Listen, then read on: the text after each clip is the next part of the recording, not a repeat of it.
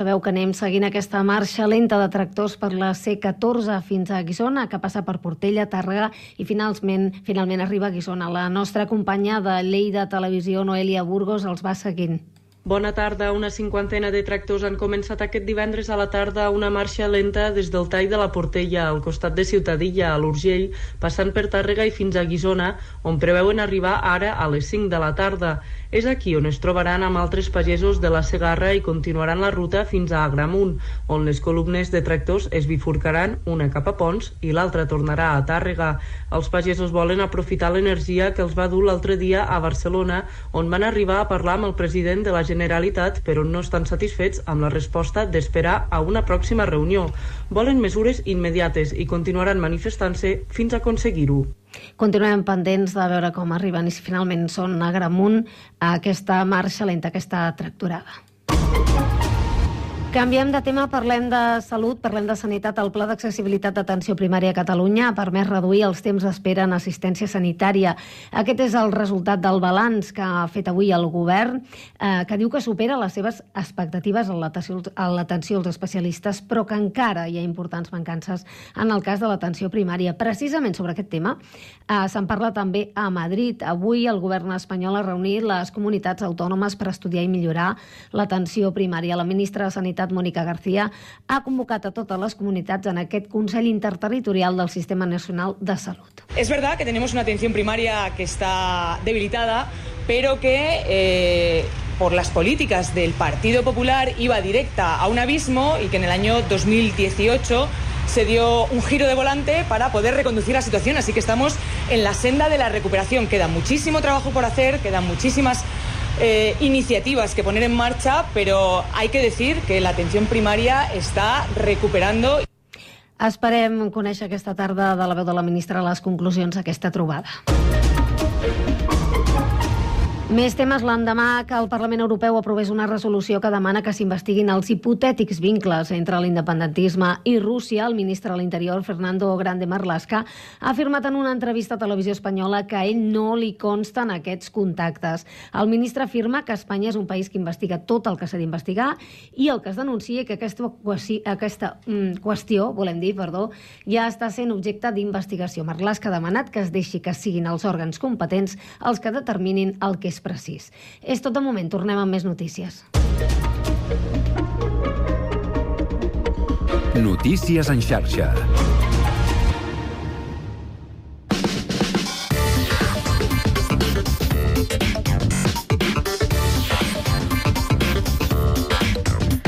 I a les 5 i 3 minuts eh, reprenem el Connectats amb l'inici d'aquesta segona i última hora del Connectats de divendres. Informació de servei i anem al trànsit. Eduard Sánchez, bona tarda.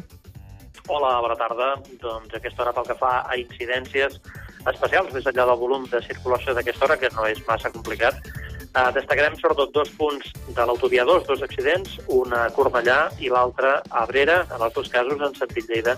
En els dos casos també hi ha un carrer tallat i uns 2-3 quilòmetres d'aturades en cada tram, a Cornellà i a Abrera, com dèiem, en sentit Igualada, sentit Lleida. D'altra banda, a l'AP7, a Mollet del Vallès, hi ha un vehicle variat que està ocupant un carril, en sentit nord, de moment generant uns 2-3 quilòmetres de lentitud en retencions en aquest tram de l'autopista. Una autopista, per cert, que a l'altura de Gelides comença a omplir ja amb lentitud al, al llarg d'un parell de quilòmetres, en aquest cas en sentit Tarragona. I acabem amb un parell de marxes lentes que comencen a intensificar el trànsit, el seu pas, en el cas de la C14, a l'altura de Solivella, en sentit nord, i la L310, una mica més amunt de Tàrrega, on també s'està fent una marxa lenta i també hi ha, eh, doncs això, molta lentitud, molta intensitat també en sentit nord. És tot, bona tarda. Gràcies i bona tarda, Eduard. Anem ara al Transmet. Àlex Cubells, bona tarda. Doncs comencem el divendres informant-vos de la vaga de Renfe i Adif que afectarà els horaris i freqüències de pas dels trens de Rodalies durant tot el dia d'avui. S'han programat serveis mínims del 66% de 6 del matí a dos quarts de 10 del matí i de 5 de la tarda a dos quarts de 9 del vespre. 33% la resta de la jornada. I de cara al cap de setmana, us avisem que degut a les diferents rues de Carnaval organitzades als barris de Barcelona, es produiran afectacions al servei d'autobusos en diferents punts de la ciutat durant el dissabte. Recomanem consultar l'estat de les línies si n'heu de fer ús. I precisament, degut a la gran afluència de gent que s'espera al Carnaval de Sitges, la línia R2 Sud de Rodalies reforçarà el seu servei per poder donar-hi resposta. I ja de cara a diumenge, també afectacions en diferents línies dels autobusos de Barcelona degut a l'organització de la mitja marató, que s'allargarà durant tot el matí i fins al migdia del mateix diumenge. Normalitat pel que fa a la resta de la xarxa de transport públic i sense incidències destacables. Per tant, de moment això és tot des del Transmet.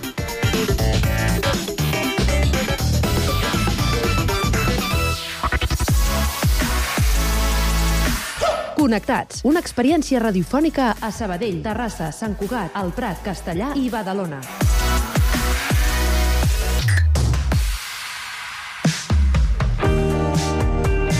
Veus locals.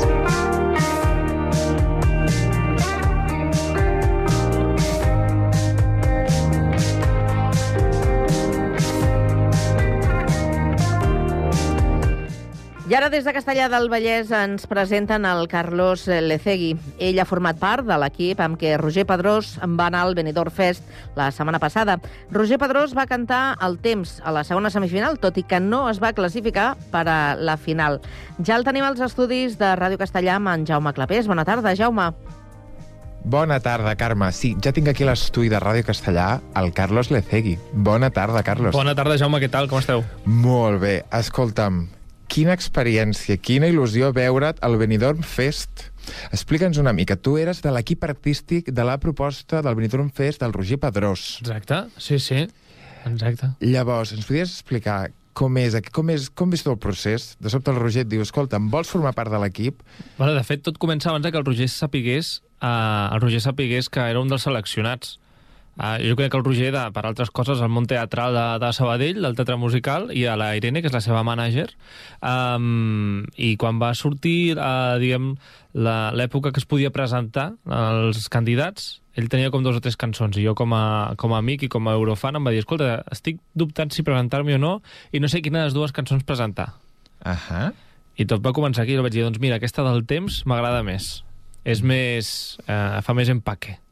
Era, és molt bonica. És molt bonica. És molt bonica. I així va començar tot plegat. Ell va enviar-ho, no em va dir res, i m'entero el mateix, el mateix dia que, que es feia públic que el Roger Pedrós era un dels seleccionats eh, del Benidorm Fest. Sorpresa. Sorpreson. I llavors et va demanar que t'unissis a l'equip que va al Benidorm en qualitat de... En qualitat d'ajudant de direcció i ajudant de realització, també.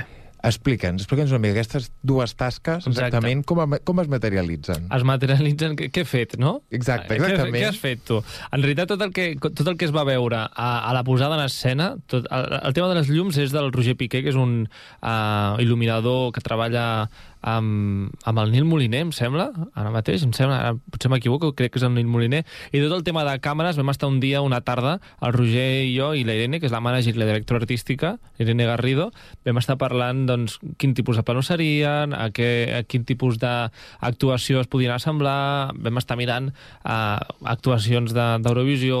De, referents eurovisius, eh? Referents eurovisius. Poder aquell nano, ostres, ja no me'n recordaré, un que va guanyar, un, un que va guanyar fa uns anys, que tocava el piano, Exacte, el Duncan Lawrence era un d'aquests, però no exactament, eh? perquè sí que ens agradava, més que mirar actuacions en piano, vam mirar actuacions emotives que ens agradaven. D'acord. Uh, perquè la gent tingui referències, per exemple, la francesa Bàrbara Pravi era una de les, de, de, la, de les actuacions que miràvem. Um, I sí que és veritat que la majoria de planos van sortir del cap del Roger, el Roger tenia per, perfectament el cap i sabia perfectament què és el que volia ensenyar i com ho volia ensenyar, i la meva uh, visió, o sigui, la meva feina va ser doncs, guiar una miqueta, doncs mira, potser és aquest millor el plano, potser una mica més tancat, aquí si li posem una mica més de zoom, doncs estarà bé, aquí si li posem un moviment, doncs farà, serà més amè, i aquesta va ser la meva feina uh, prèvia, diguem, al Benidorm Fest. D'acord. Mm. I un cop allà? Un cop al Benidorm? I un cop allà va ser tot una bogeria. Uh, heu de pensar que la majoria de cantants, que, uh, grups que estaven allà al Benidorm, portàvem un equip de, de 15 a 20 persones on cadascú es dedicava a una cosa molt concreta. Doncs si la perruquera, el ballarí, el coreògraf... Uh, nosaltres érem tres. Tres que ho fèiem tot. Doncs, uh, I tot era una mica bogeria. Llavors allà, doncs, una mica el que es demanava. Necessito una cadira per uh, fer una, un assaig. Doncs anava a recepció corrent a l'hotel i buscar una cadira. Necessito una mica d'aigua perquè ara tinc la... Pues, anava corrents a buscar aigua. Llavors, també la part més tècnica. Doncs eh, fem, això funciona que fas un assaig de 50 minuts allà al plató del Benidorm Fest i després tens 10 minuts per parlar amb l'equip de televisió espanyola doncs, què és el que t'ha agradat, què és el que t'ha agradat, què és el que voldries canviar. I estem parlant d'un sol assaig. El Roger va actuar a la, segon, a la segona semifinal, si Exacte. no m'equivoco. Estem I- parlant de Quatre assajos. quatre assajos previs, Previs. la setmana abans.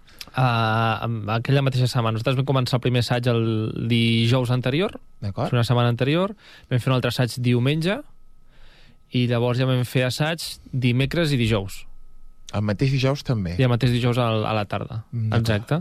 I de, després de cada, excepte l'últim, que és el, diguem, el que ja està tancat, eh, els altres assajos sempre tens un 10 minuts eh, amb l'equip de televisió espanyola doncs, per, per acabar de retocar coses. Això m'ha agradat, això ho he fet malament perquè no estava així decidit. Això, doncs, eh, aquesta proposta no m'agrada que m'ho fet. Em falta allò altre. I aquesta vessant més tècnica també és la, era la meva feina, doncs decidir que del que em proposava la televisió espanyola i del que jo havia dit en el seu moment, doncs amb què em quedava i amb què no. Uh -huh. I com, com van ser aquests quatre assajos previs? Van ser una cosa tranquil·la, van ser una cosa d'estrès, van ser no, una no, cosa... no, és tranquil·la. Jo no sé si la televisió és així, Jaume, Com- però si és com- així, jo me bajo del, del mundo, saps? No, va ser una mica estressant, per almenys, com a mínim per la meva part. Um, era, era, ens enfrontàvem, diguem, tots tres, no només jo sol, tots tres, a una nova aventura, una, a un món on mai havíem estat, uh, des de darrere les càmeres. El Roger sí que havia estat a la voz, però no havia decidit res. Ell, ell venia, li venia tot fet. Um, i ens, en, això ens enfrontaven a un, un monstre. Um, llavors, per nosaltres era tot nou i, i va ser complicat. Va ser complicat perquè tu arribes allà i no saps exactament què és el que pots canviar o de quina manera es treballa a televisió, si pots parar l'assaig a mitja cançó o no, o si tinc un dubte de llums, a qui li he de preguntar de totes les persones que hi havia allà. -huh. Però tot bé. Una mica David contra Goliat, de dir, ostres, la, la, la cosa aquesta, la maquinària aquesta enorme, que no sabem ni per on va, i nosaltres tres aquí... Aquí estem. Hola! Eh? Una mica de síndrome de l'impostor que comentàvem, però que al final ha sigut molt positiu. Al final hem après moltes coses, hem après com funciona tot i, i bueno, pues, bueno, almenys portem una, una cosa positiva. Per tu, què, què és el millor de tota l'experiència? Quina cosa eh, t'endús com a, amb, amb, amb, més valor? Jo m'emporto... Uh, mira, et parlaria d'un moment i llavors d'una cosa etèria. La, la, la cosa que m'emporto és um, el veure doncs, que aquests cantants que, que veiem per la tele no? I, que, i que a vegades semblen com d'un altre planeta i sembla que no tinguin no siguin, no siguin humans no? a vegades les persones famoses les tenim com una persona que no li afecta res i quan estàs a dins i has uh, conviscut, perquè estàvem a l'hotel moltes hores amb els diferents cantants, amb, amb Jorge González, per exemple, veus que, que són com tu i com jo i que no tenen... Uh, que no són de ferro que a tot els hi afecta també. Uh, doncs si tenen mal de coll estan preocupats perquè no podran cantar el dia següent, um, si estan nerviosos perquè uh, fa temps que no veuen els seus fills, doncs això també els afecta, i que són humans, i que, i que més uh, necessiten, i necessitem, com necessitem tots, d'un caliu al teu voltant com per fer la teva feina. Uh, al final, si tu, tu vas a treballar i tens un ambient de, de merda al teu voltant, uh, doncs és un rotllo. És més, molt més difícil. Molt més difícil. Doncs la part artística, sobretot, també, i la gent famoseo també. I, i m'emporto també tota aquesta part de comunitat que es va crear al voltant de, de, de tots els equips, no només uh, amb, amb nosaltres. Sí que és veritat que um, la gent ens veia com a herois per una banda perquè només érem, érem tres, però per altra banda també si, si ens veiem am- amoïnats o el que sigui, de seguida venien un mànager, algú de comunicació d'un altre equip, què necessiteu? Us falta alguna cosa? Necessiteu una por de guitarra? Jo us les busco, tal qual. Sí, això que diuen de, que es crea germanor, Es crea Germano. Era com, un, era com un gran hermano, que sempre diuen que todo se multiplica dentro del gran hermano. Sí. una mica ta- també això, a l'hotel del Don Pancho, que és on estàvem tots, amb tota una comunitat molt, molt guai, molt, molt positiva. Això, amb això em quedo. Um, I llavors em quedo també amb el moment en, en què el públic va veure per primer cop la posada en escena i l'actuació del Roger, que no va ser el dia de la gala, va ser just, o sigui, no, no la- l'actuació en directe, sinó aquella mateixa tarda hi havia un passe de premsa amb els mitjans acreditats, eh, ràdios, televisions i, i, i portals webs dedicats a Eurovisió eh, poden veure l'actuació abans que ningú mm. per fer contingut audiovisual o contingut a, a, a la seva web i va ser molt emocionant perquè va ser, doncs, eh, durant tota la setmana estàs dubtant si ho estàs fent bé, si això agradarà, si no agradarà, i, i va ser com deixar-ho anar tot. Quan acaba l'assaig i el públic, que eren, res, 50, 60 persones en aquell moment, eh, comença a aplaudir al final del tema, encara no havia acabat el tema, ja estaven aplaudint, es van aixecar, donar-los enhorabona, t'arriben missatges d'amics que estan allà a la grada, doncs, ostres, pues que bien, no? Al final tot ha anat estupendo. Llavors aquest moment va ser com molt emotiu. Home, que maco. Sí. Que maco. Uh, no no, no m'agradaria tallar que, el rotllo en aquest moment, però alguna cosa que t'agradaria una cosa que t'agradaria canviar de com va anar tot algun aspecte que dius ostres, això precisament, a, això no va anar bé, això hagués sigut millor d'una altra manera. Mm, el tema d'organització, o almenys com hem viscut nosaltres, el tema d'organització de Televisió Espanyola, el tema d'assajos, ho hem patit bastant. En el nostre cas ens passava que arribaves un assaig i no tenies clar si allò que havies parlat el dia anterior s'havia arreglat o no, llavors anaves com perdut, havien passat dos dies de l'assaig anterior i per tant no tenies clar si podies fer A, B o C, i una mica neguitosos per aquest, per aquest aspecte.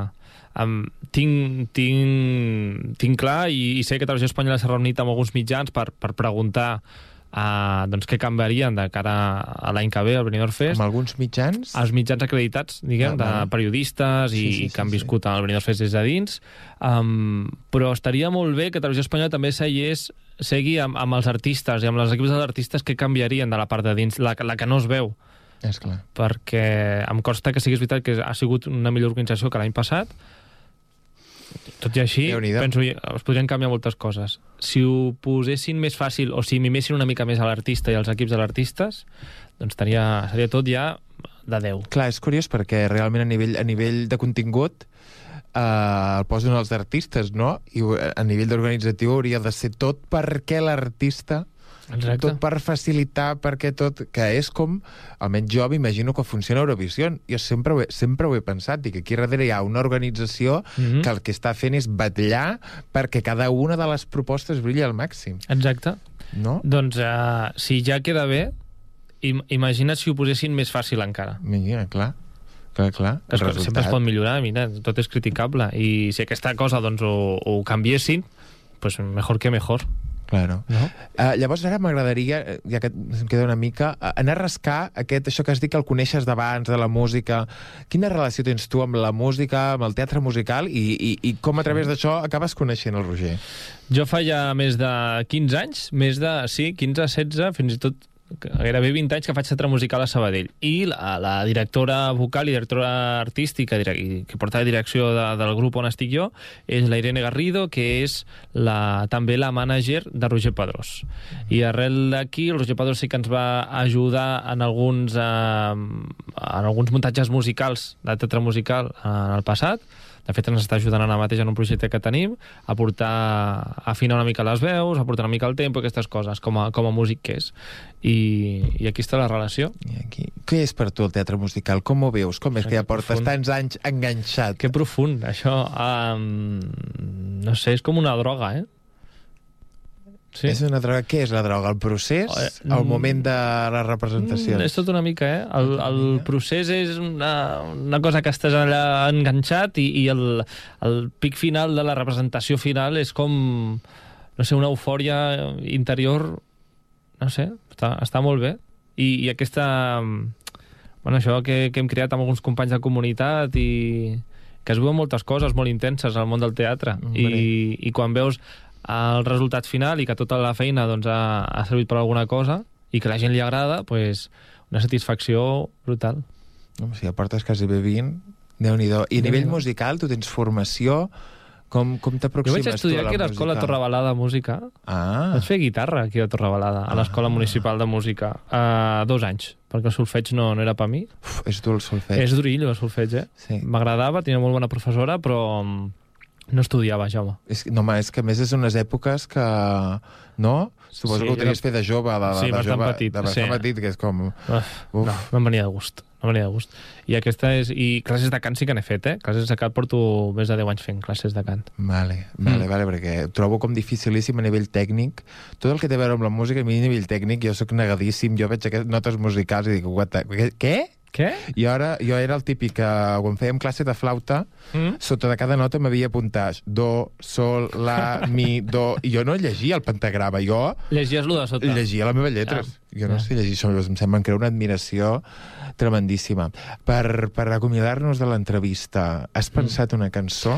Sí, eh, tinc diverses. Mira, la del Roger Pedrós al temps no te la diré perquè com ve dimecres vinent aquí a Castellà i segurament Correcte, la cantarà, ja correcte, de, sí. de moment te l'apartem. Nebulosa n'ha parlat ja molta gent, així que també passem. Així que em quedo entre a, a, a dues. Una és Jorge, amb Caliente, Mm. perquè eh, és un sol de persona i el seu equip ens va tractar super, super bé.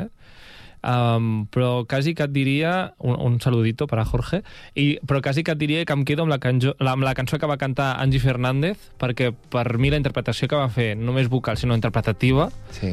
va ser de Déu i aquell, uh, aquella abraçada que té amb les seves ombres i les seves pors em va semblar de pell de gallina i cada vegada que la veig ploro així que És maquíssim, estic amb tu. És maquíssim aquell moment. quasi que em quedo amb la cançó d'Angie uh, Sé quién soy Molt bé, doncs moltes gràcies, Carlos. a tu Bé, doncs, si us pregunteu què ha fet bullir les xarxes aquesta setmana, la resposta ens la porta Sami Fernández. Bona tarda.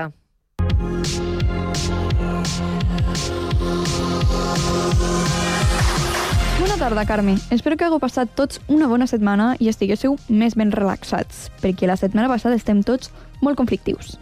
Aquesta ha sigut molt més tranquil·la. Jo diria que encara més. Ha estat una setmana plena de victòries, tot i que també s'ha colat alguna que d'altra pèrdua. Què preferiu? Les notícies bones o les dolentes primer?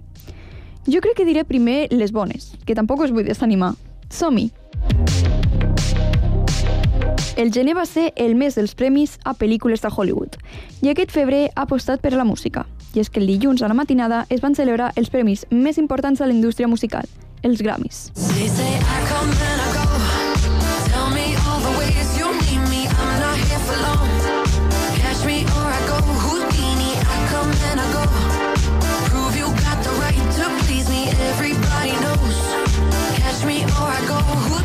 La Dua Lipa va obrir la gala amb Houdini, el primer single del seu nou àlbum.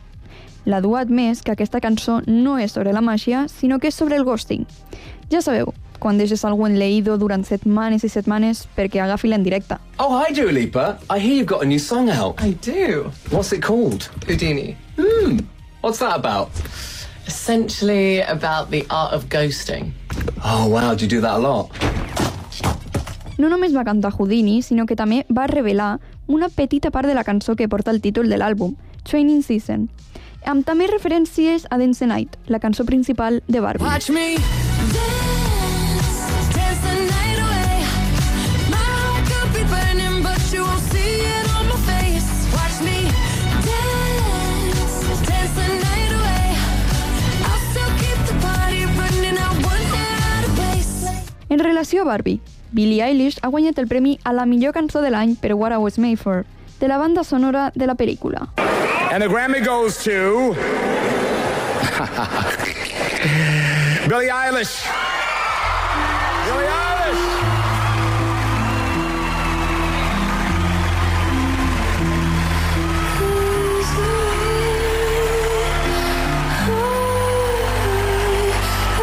Que molts afirmen que és la cantant que més s'apropa a guanyar un EGOT, encara que l'Adele i la Lady Gaga estan molt a prop també.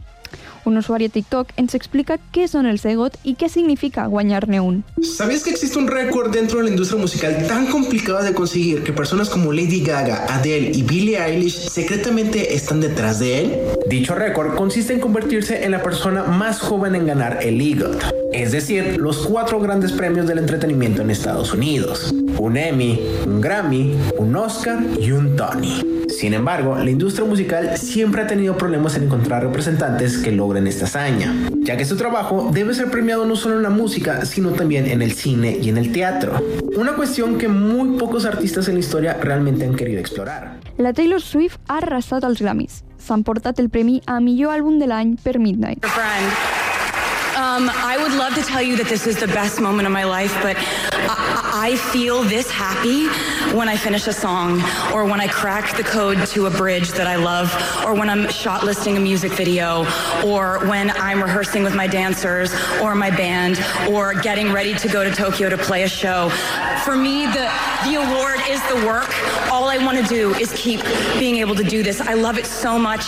It makes me so happy. I per què és tan important, us preguntareu? Doncs és l'únic artista que ha guanyat quatre vegades aquesta categoria. No obstant això, eh, va aprofitar el seu discurs per donar una sorpresa molt més gran. El seu 11è àlbum, anomenat L'apartament dels poetes torturats. És en anglès, és clar, llastimosament no és en català. So I want to say thank you to the fans by telling you a secret that I've been keeping from you for the last two years, which is that my brand new album comes out April 19th. It's called, Els Department. usuaris es van emportar una sorpresa, perquè tothom s'esperava l'anunci de la regravació de Reputation, un dels seus antics àlbums. Oigan, esto no es un simulacro. Taylor acaba de poner su foto de perfil en Twitter y en Instagram en blanco y negro. Creo que ya no podemos negar que Rep nos está respirando en la nuca. Muchos creen que Taylor hoy va a hacer el anuncio en los Grammys y si no es en los Grammys, en los shows esta semana en Tokio, en Japón. A ver si esto va a ser, digamos, progresivo como fue con Rep originalmente. No sé, primero cambia su foto de perfil, después subirá algún teaser o tal vez no, tal vez hoy llega con serpientes en su vestido y ya es súper claro. Pero bueno, ya Rep está aquí, ya va a I llegar. tenien raons per pensar això, ja que no és l'única vegada que aprofita uns premis per anunciar nous projectes. La Taylor és una experta en sorprendre els seus seguidors. Encara més, Midnights, l'àlbum premiat per ser el millor àlbum de l'any, també va ser anunciat als VMAs de l'any passat. I, I thought it might be a fun moment to tell you that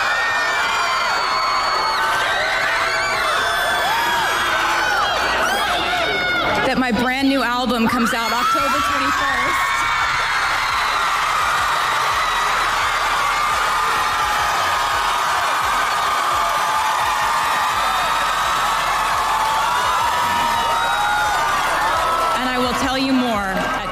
Folklore, un altre àlbum seu que també va guanyar l'àlbum de l'any, va anunciar-lo a Instagram un dia abans que es publiqués. Així, pum, un nou àlbum. Clar, va ser a la pandèmia i la gent va embogir.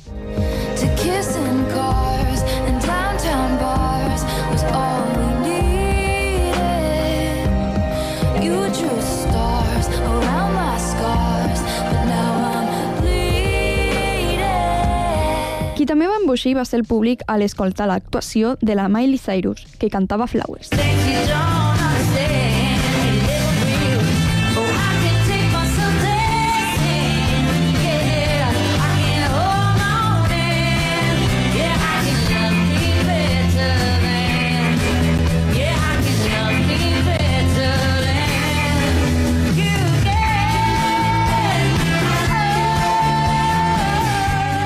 No només ha estat un himne, sinó que també va guanyar la cançó de l'any, sent el primer Grammy de la cantant. I didn't leave you, but had to. I didn't fight, but we did. Started to cry, then remembered I just won my first Grammy.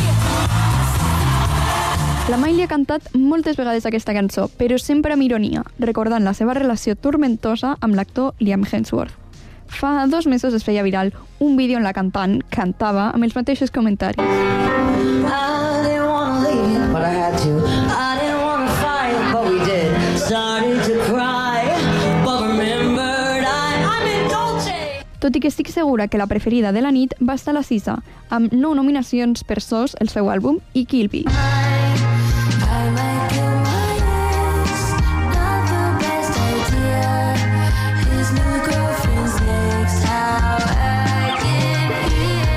Això, només ha guanyat 3. La millor cançó R&B per Snooze, a millor àlbum urbà contemporani i a millor duet pop amb la Phoebe Bridgers. I aquesta última també ha guanyat 4 categories. Distract me from all the disaster. Can you touch on me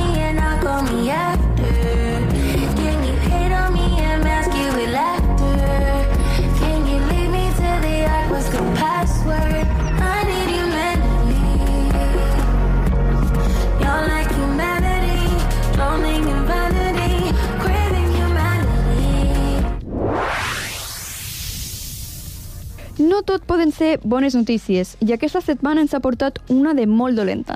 Les cançons fetes sota la discogràfica Universal Music han deixat d'estar a TikTok. En altres paraules, la majoria d'artistes ja no estan disponibles a TikToks.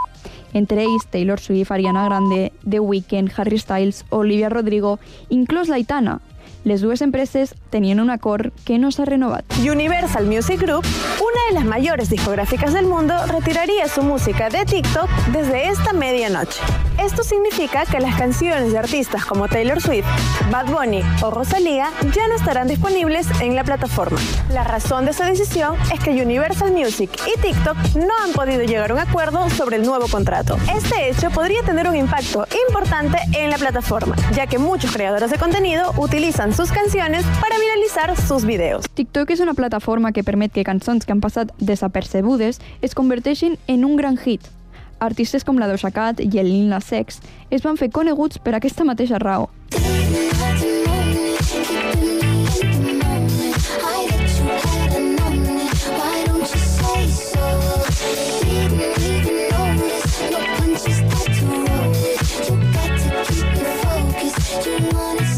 Tot i això, els usuaris s'ho han pres amb humor i han decidit reemplaçar les cançons eliminades de la plataforma per versions traduïdes dels mateixos usuaris, com aquesta de Cinnamon Girl de la Lana del Rei.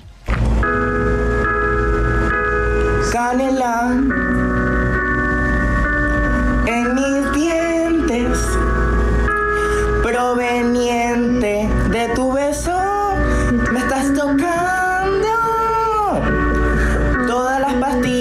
pastillas que tomas. Violeta, azul, verde, rojo, para mantenerme lejos no funciona. Fins aquí el Connectats a les xarxes d'avui. Espero no haver-us deixat amb un mal sabor de boca, però recordeu que teniu el poder a les vostres mans. Podeu elegir el finalista d'Operació Triunfo i no deixeu en Leido com ho fa la Dua Lipa. Ens escoltem a la següent. If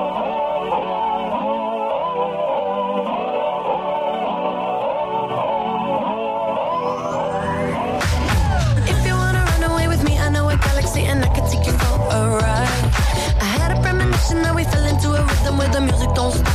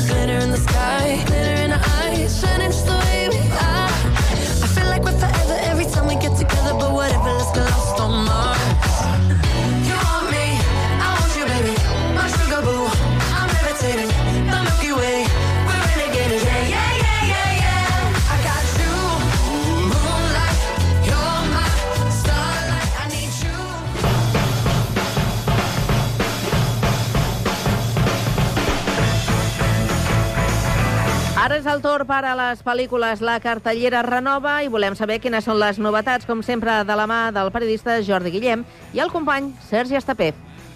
Bona tarda. Comença, com cada divendres, la secció de cinema i també, com sempre, amb el periodista de Diari de Terrassa i cinèfil nostre de capçalera, el Jordi Guillem. Bona tarda, com estem? Comença la secció.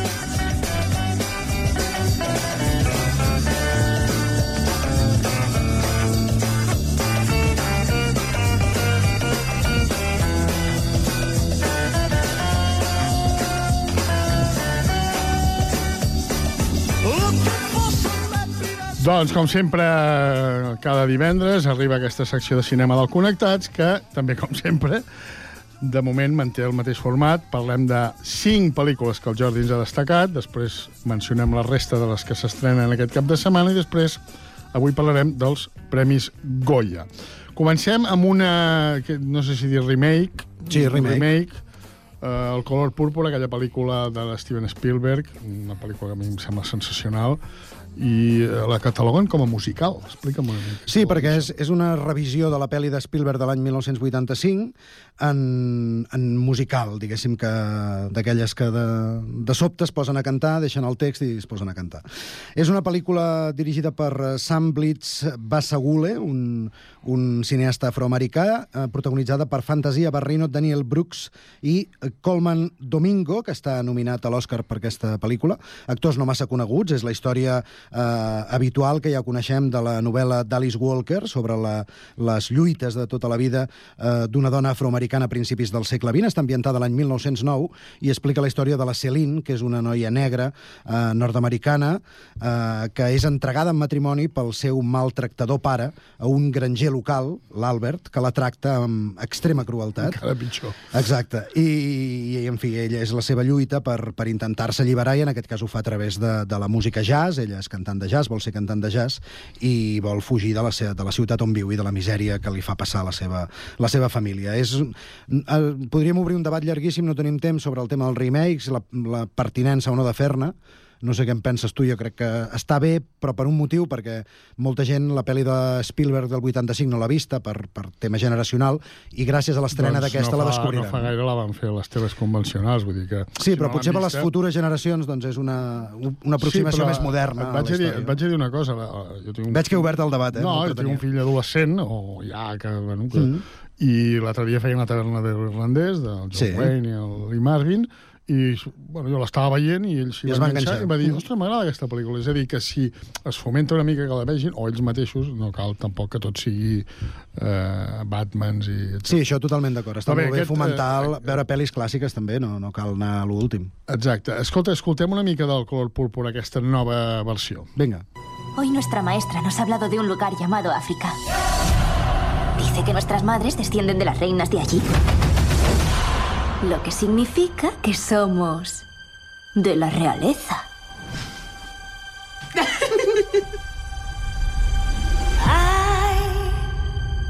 Don't need you to love me. Buenas tardes. Necesito una mujer. Aunque tengamos que separarnos, tú y yo. Doncs aquest eh, color púrpura jo us recomano que mireu la- la- L'original. L'original amb eh, grans... Whoopi Goldberg. Grans in interpretacions, Whoopi Goldberg, del Dan- Danny Glover. Mhm. I altres actors doncs, i actrius que ho van fer molt bé. Uh, continuem als Estats Units, ara amb un drama que es diu Ferrari, que suposo que va de cotxes, això. Sí, va de cotxes. De fet, va... és una pel·li de l'any passat, el 2023, que, que està present també als, als Oscars en categories petites. Eh, és eh, dirigida per Michael Mann, un dels cineastes especialistes en fer pel·lis d'acció eh, de la indústria nord-americana, protagonitzada per Adam Driver i, atenció, Penélope Cruz, a banda de Shailene Woodley, Sarah Godon i eh, Patrick Dempsey, entre d'altres. Eh, ens explica la història de l'expilot de carreres eh, Enzo Ferrari, eh, d'on va néixer tot, diguéssim, l'any 1957. És un pilot que està en crisi, eh, la, seva, la seva empresa eh, tanca, diguéssim, i el seu matrimoni doncs, eh, tampoc passa pel seu millor moment, també està en crisi, i en aquesta etapa tan pèssima, eh, tan personal com laboral, el senyor Ferrari, Enzo Ferrari, decidirà prendre eh, decisions arriscades o apostarà tot a única cursa que travessa mil milles al llarg de tot Itàlia, la Mille Miglia, que es diu, uh -huh. i a partir d'aquí doncs, ens expliquen fins ara gairebé doncs, com va ser la biografia d'aquest personatge. És una pel·li pels amants del motociclisme, de l'automobilisme, dels cotxes, és, és un biòpic en el fons, però Michael Mann sempre és una, és una garantia de, de bona direcció i de producte correcte. Doncs si us agrada el tema dels automòbils, la Fórmula 1, etc, aneu i si no també. Vull dir, Sí, sí, no, cal que t'agradi la temàtica per poder anar al cinema per veure una pel·lícula. Ara eh, tornem aquí i amb un documental d'una actriu que a mi m'agrada molt, mm. Carme Elias. A mi també, que a mi també. explica una mica la seva història, la seva relació amb l'Alzheimer. Sí, el Carme Elias va- va sortir fa uns mesos la, la notícia de que patia Alzheimer eh, i a través d'una gran amiga seva, com és la Clàudia Pinto, es van trobar un dia i van decidir, eh, la Clàudia li va proposar doncs, d'explicar la seva He dit història. el títol, Mientras seas tu, ho he dit? No sé, Uh, no ho sé, si ho però sí, es diu Bé, així. Doncs, Mientras seas Mientras tu. seas tu. És una de les grans favorites a ser en els Goya, que en parlarem després, a ser la millor pel·lícula documental de l'any. És una pel·lícula curta, un documental de 72 minuts, eh, molt coherent, perquè si ho pots explicar amb 72 millor que amb 120, i doncs això és un repàs pel, bàsicament per la malaltia, pel diagnòstic de la malaltia de l'Alzheimer, i també per eh, el personatge enorme d'una actriu que potser no ha estat eh, al capdavant, no, diguéssim, però uh Mhm. -huh. és una actriu que ha fet moltíssimes coses durant 50 anys en cinema, teatre i, i televisió. I això que dèiem, doncs, a través de la- de l'amistat la, que les uneix, doncs això li ha permès que la Carme Elias es pogués obrir una mica més i intentar explicar... De fet, el títol ho diu gairebé tot, perquè mentre seas tu, doncs vol dir... no? És, és la frontera aquella que separa el moment que la malaltia ja et fa eh, deixar de, de recordar qui eres, qui ets i els que t'envolten. No? Una pel·lícula que els que l'han vist ha passat per diversos festivals amb molt bones crítiques, aquest documental. Eh, els que l'han vist diuen que és molt, molt recomanable. Eh, els Premis Gaudí eh, del diumenge passat va aconseguir el guardó i els Goya doncs, esperem que, que tingui la mateixa sort, tot i que últimament els documentalistes eh, estan d'aquest país estan cada, cada vegada millor i hi ha molta competència.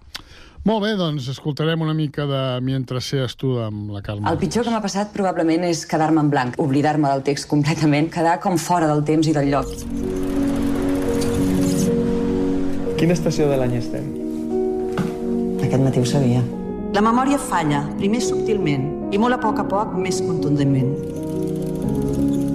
Carmen Elías por camino. José María Rodero me dijo hace muchos años que lo más importante en nuestro oficio es persistir. Y Rodero tenía razón. Tú eres alguien en quien confío plenamente, en tu inteligencia. Doncs una gran actriu com la Carme Elias que pateix aquesta afectació que doncs, et fa, va fent perdre la memòria. Una llàstima per totes les persones que ho pateixen. I ara marxem de nou als Estats Units. Avui m'has fet eh, molt cinema dels Estats Units. T'he col·locat una pel·li d'aquelles que t'agrada. Sí, doncs res, sí, eh, terror aquí, terror allà, en la Casa Encantada, en el Castillo i tal, i ara només faltava La piscina. a una piscina. El, És- La pel·lícula es diu La piscina, eh? La piscina, Què sí. passa, que surten taurons o...? Va, més o menys. És, és, una, és una pel·li de terror eh, branca sobrenatural.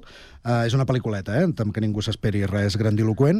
És la història d'una estrella del béisbol que s'ha de retirar prematurament a causa d'una malaltia degenerativa Mhm. i se'n va, es muda en una casa amb la seva dona Ai. i la seva filla adolescent i el seu fill petit i eh, allà amb l'esperança de recuperar-se i poder tornar a l'esport professi- professional, però un dia el Rai, que és el protagonista, descobreix que la fantàstica piscina del jardí de la seva nova llar eh, serà molt divertida pels nens, molt entretinguda, i la servirà, li servirà també per fer teràpia física, però aquí sempre hi ha està. el d'allò, hi ha un fosc secret, un fosc secret del passat de la casa que farà que una força malèvola arrastri a la família, ja, jo, jo també ric, eh?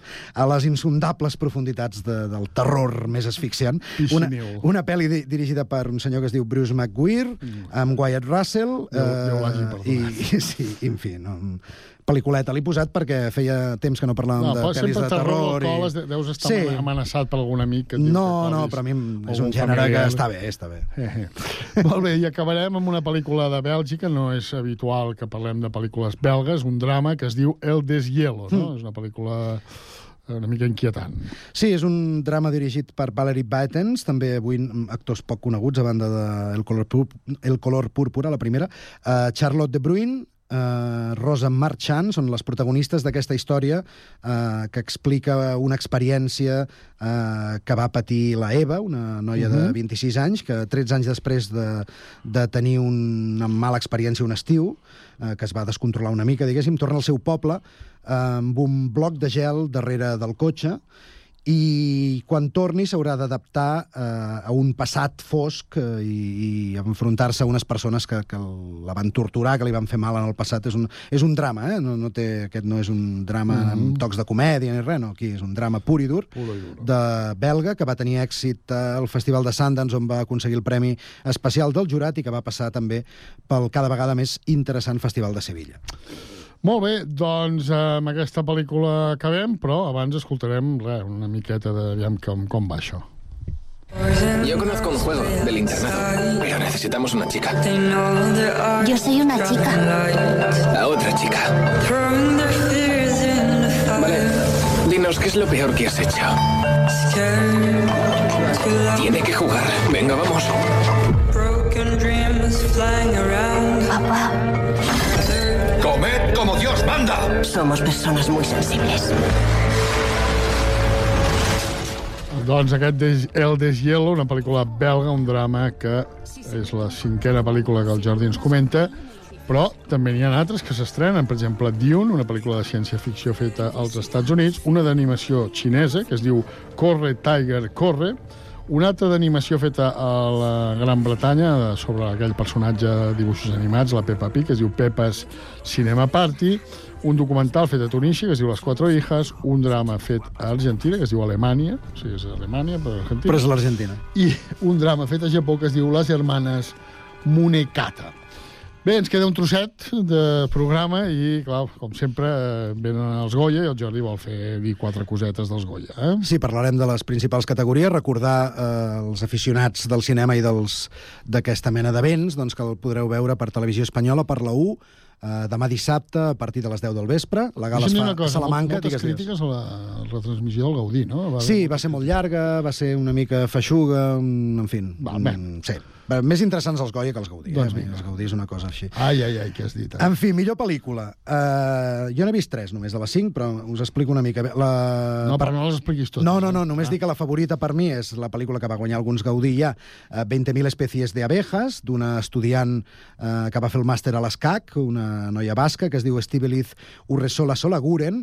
Uh, una de les coses més interessants de la pel·li que tracta el tema d'una nena uh, que està descobrint la seva identitat de gènere, uh, que es diu Sofia Otero, que al Festival de Berlín... que no. No, només això, que la, Ah, la, al Festival de Berlín la Sofia Otero va guanyar millor actriu. És la, la nena està sensacional, la pel·li, la teniu a plataformes. El problema és que els Goya, com saps, millor actriu eh, secundària o de repartiment no, o debutant no se li pot donar a menors d'edat, per tant no, no està nominada.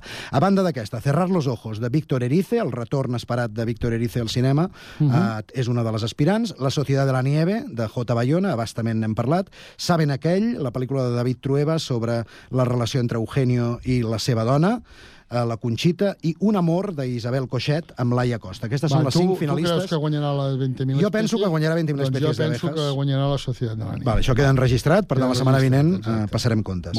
Millor director, Víctor Erice, per Cerrar los ojos, Helena Martín, per Criatura, la gran triomfadora dels eh, Premis Gaudí, eh, J. Bayona, per La Societat de la Nieve, David Trueba, per Saben aquell, i Isabel Coixet, per Un amor. Tu què dius? Mira, jo aquí... Jo, aquí... Víctor Erice, abans que t'avancis. Jo, Jo, va, com Víctor que- Erice, home, sí. Però no, jo crec que l'Helena Martín, actriu, protagonista i directora de Creatura, eh, doncs crec que serà la guanyadora, tot i que qualsevol dels cinc podria ser-ho. Eh?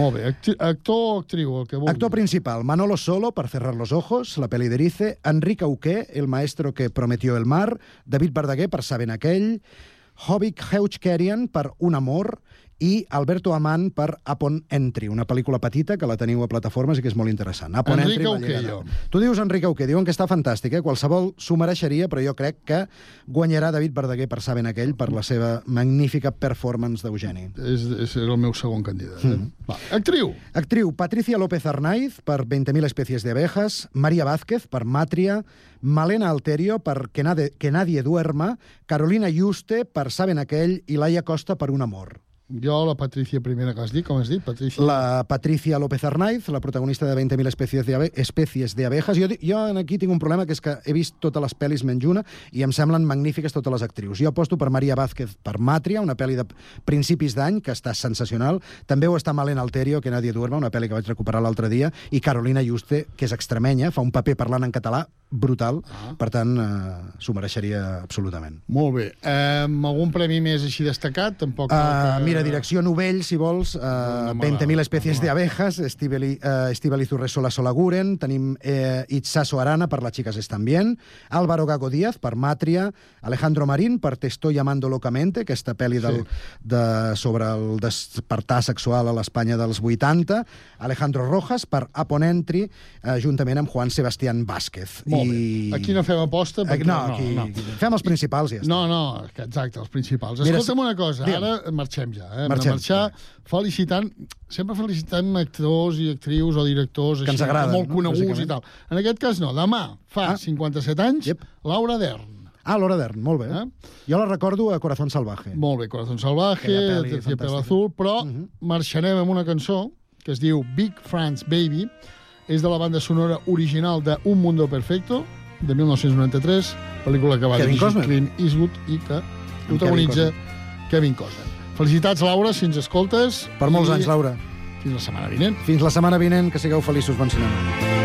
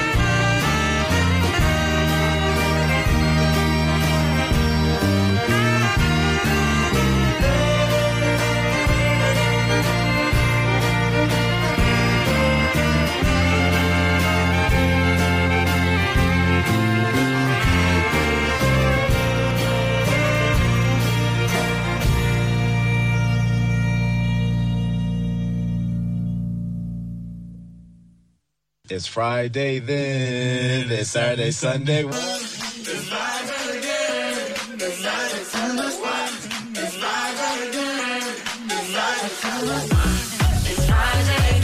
Efectivament, per fi arriba divendres i és moment de repassar l'agenda amb les propostes que us fem des del Connectats. I comencem per Terrassa. Sergi Estapé, bona tarda de nou. Bona tarda aquesta nit, a partir de les 10, concert a la nova Gescava amb el Jan Domènech Quintet que presentarà el seu treball de Magical Forest. I dissabte, a les 9 de la nit, i a la Factoria Cultural, actuació del monologuista Juan Dávila, que ens porta al seu espectacle La capital del pecado 2.0. Gràcies, Sergi. Anem ara amb les propostes de Sabadell. Pau Duran. L'Orquestra de Cambra Terrassa 48 porta el concert amb permís de la reina al Teatre Principal. Es tracta d'un recorregut per la música clàssica anglesa amb autors com Purcell, Avison, Elgar i Ireland, però també el Bohemian Rhapsody de Freddie Mercury. Descobrireu un compositor maleït com Wesley. El concert serà avui a les 8 del vespre i està organitzat per Joventuts Musicals de Sabadell. Gràcies, Pau. Què ens ofereixen des de Badalona? Santi Espasa, bona tarda. Bona tarda de nou, Carme. Doncs aquest cap de setmana es celebra Carnestoltes a Badalona i comencem aquest dissabte per llefiar amb el pregó de la reina Carnestoltes i la seva cort a les 5 de la tarda al Centre Cívic Torremena. Ja començarà la rua de Carnestoltes fins a la plaça Trafalgar. I el diumenge a les 11 començarà el Carnaval infantil amb la concentració de comparses a la plaça del Bisbe Joan Carrera, la plaça de la Plana i des de l'Escola Lola Anglada. I a partir de les 6 de la tarda, l'Hotel Badalona Tower acollirà una festa de Carnaval amb moltes activitats i sorpreses diferents. Gràcies, Santi. Anem ara fins al Prat de Llobregat. Víctor Asensio, bona tarda. Bona tarda de nou. Ja és aquí el Carnaval de l'Avarícia i per això us portem una agenda carregada d'activitats del Carnaval. Avui continua la rauxa d'aquesta festa i ho fem primer amb les xirigotes de Xirigotaures del Centre Cívic Sant Jordi Ribera Baixa aquest vespre. També teniu, tindreu a partir de demà al matí doncs, dues mm, cercaviles que recorreran els carrers de la ciutat. La primera amb les autoritats del Carnaval, que arribaran fins a la plaça de la Vila, des de la plaça Catalunya. I des de la plaça de la Vila mateix en sortirà una altra, la cercavila dels Picacrestes, que recorrerà en diversos carrers del nucli antic fins a arribar a la nau, on és la seu de les entitats de cultura popular de la ciutat. Allà faran un vermut. Durant tot el recorregut aniran recollint menjar per aquest vermut i, a més, gaudirem de les danses que es fan de forma tradicional des de 1902 i recuperades precisament per aquesta entitat. El dia gros és també dissabte, amb la rua de Carnaval, que plega més de 1.800 persones i que recorrerà els carrers de la ciutat des de la capsa i fins a la plaça de Catalunya. A banda d'aquestes activitats, moltes altres que podreu trobar recollides al web municipal www.elprat.cat. Gràcies, Víctor. Anem ara fins a Castellà. Jaume Clapés, bona tarda. Bona tarda. Des de Castellà convidem a tothom a participar de les diverses activitats de carnestoltes que es faran al poble. Dissabte al matí al carrer Major, l'associació del centre organitza La música que ens mou, on de 4 a 2 de la tarda hi haurà activitats diverses i concurs de disfresses a la plaça de Cal Calissó. I la tradicional rua començarà el dissabte mateix a les 5 de la tarda al carrer Portugal al costat de l'Espai Torrà i finalitzarà a la plaça de la Fàbrica Nova a dos quarts de vuit. Us hi esperem. Gràcies, Jaume. Sant Cugat també celebrem el Carnaval. Eh, Va començar ahir i avui a partir de les 8 del vespre amb inici a la plaça Pep Ventura al Cercatasques. També avui, per als amants de la música, concert per a violí de Tchaikovsky en Mayuko Camio a partir de les 8 del vespre al Teatre Auditori. Encara queden entrades al preu de, 80, de, vi- de 28 euros. Pel que fa a la celebració de Carnaval, continua demà amb l'inici de les cercaviles de gitanes a partir de les 11 del matí. També demà, a partir de la 1, ball de gitanes a la plaça d'Octavià. I al vespre, a partir de les 7, rua de comparses de Carnaval. Acabarem diumenge amb el ball de gitanetes a partir de les 11 i 40 a la plaça d'Octavià. És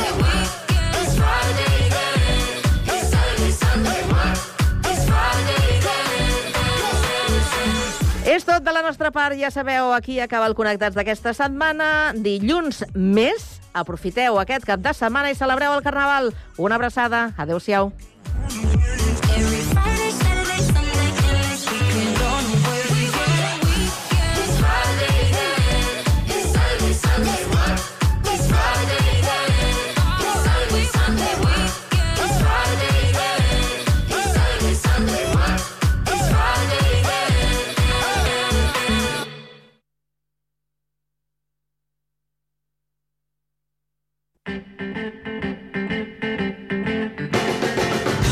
Sant Cugat, Braseria La Bolera, el restaurant braseria situat al vell mig de la ciutat. Més de 20 anys oferint la més alta qualitat en tots els seus productes, en amanides, carns, verdures, Braseria La Bolera. Amplis menjadors per a celebracions familiars, batejos, comunions, casaments, Braseria La Bolera. Els que ja la coneixen sempre hi tornen. Baixada de l'Alba 20, al costat del monestir. Telèfon 93 674 1675.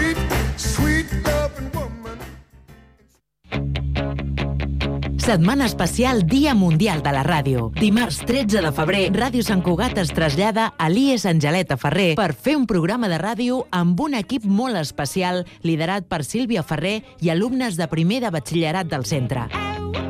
A partir de les 10 del matí fins a les 12, entrevistem Albert Planadavall de Flashback, el director i professorat del centre. També passarà pel programa l'alcalde Josep Maria Vallès, parlarem de la història de l'Angeleta i molt més. Apunta, programa en directe des de l'Angeleta Ferrer dimarts 13 de febrer a les 10 del matí. Al 91.5 FM, a www.cugat.cat i al canal de YouTube de Cugat Mèdia.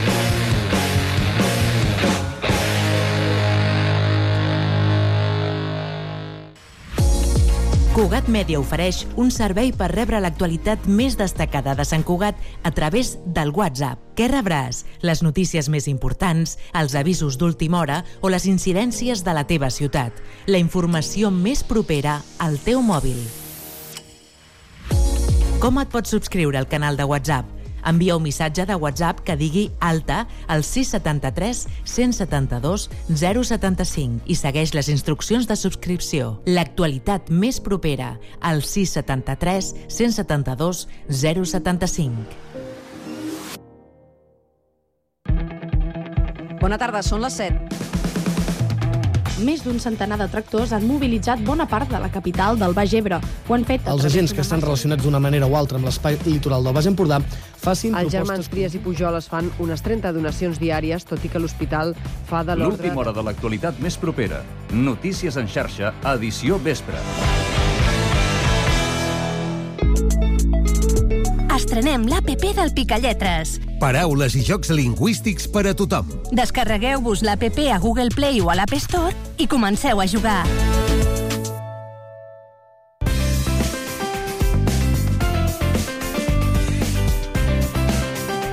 Ràdio Sant Cugat, Cugat Mèdia, 91.5 FM.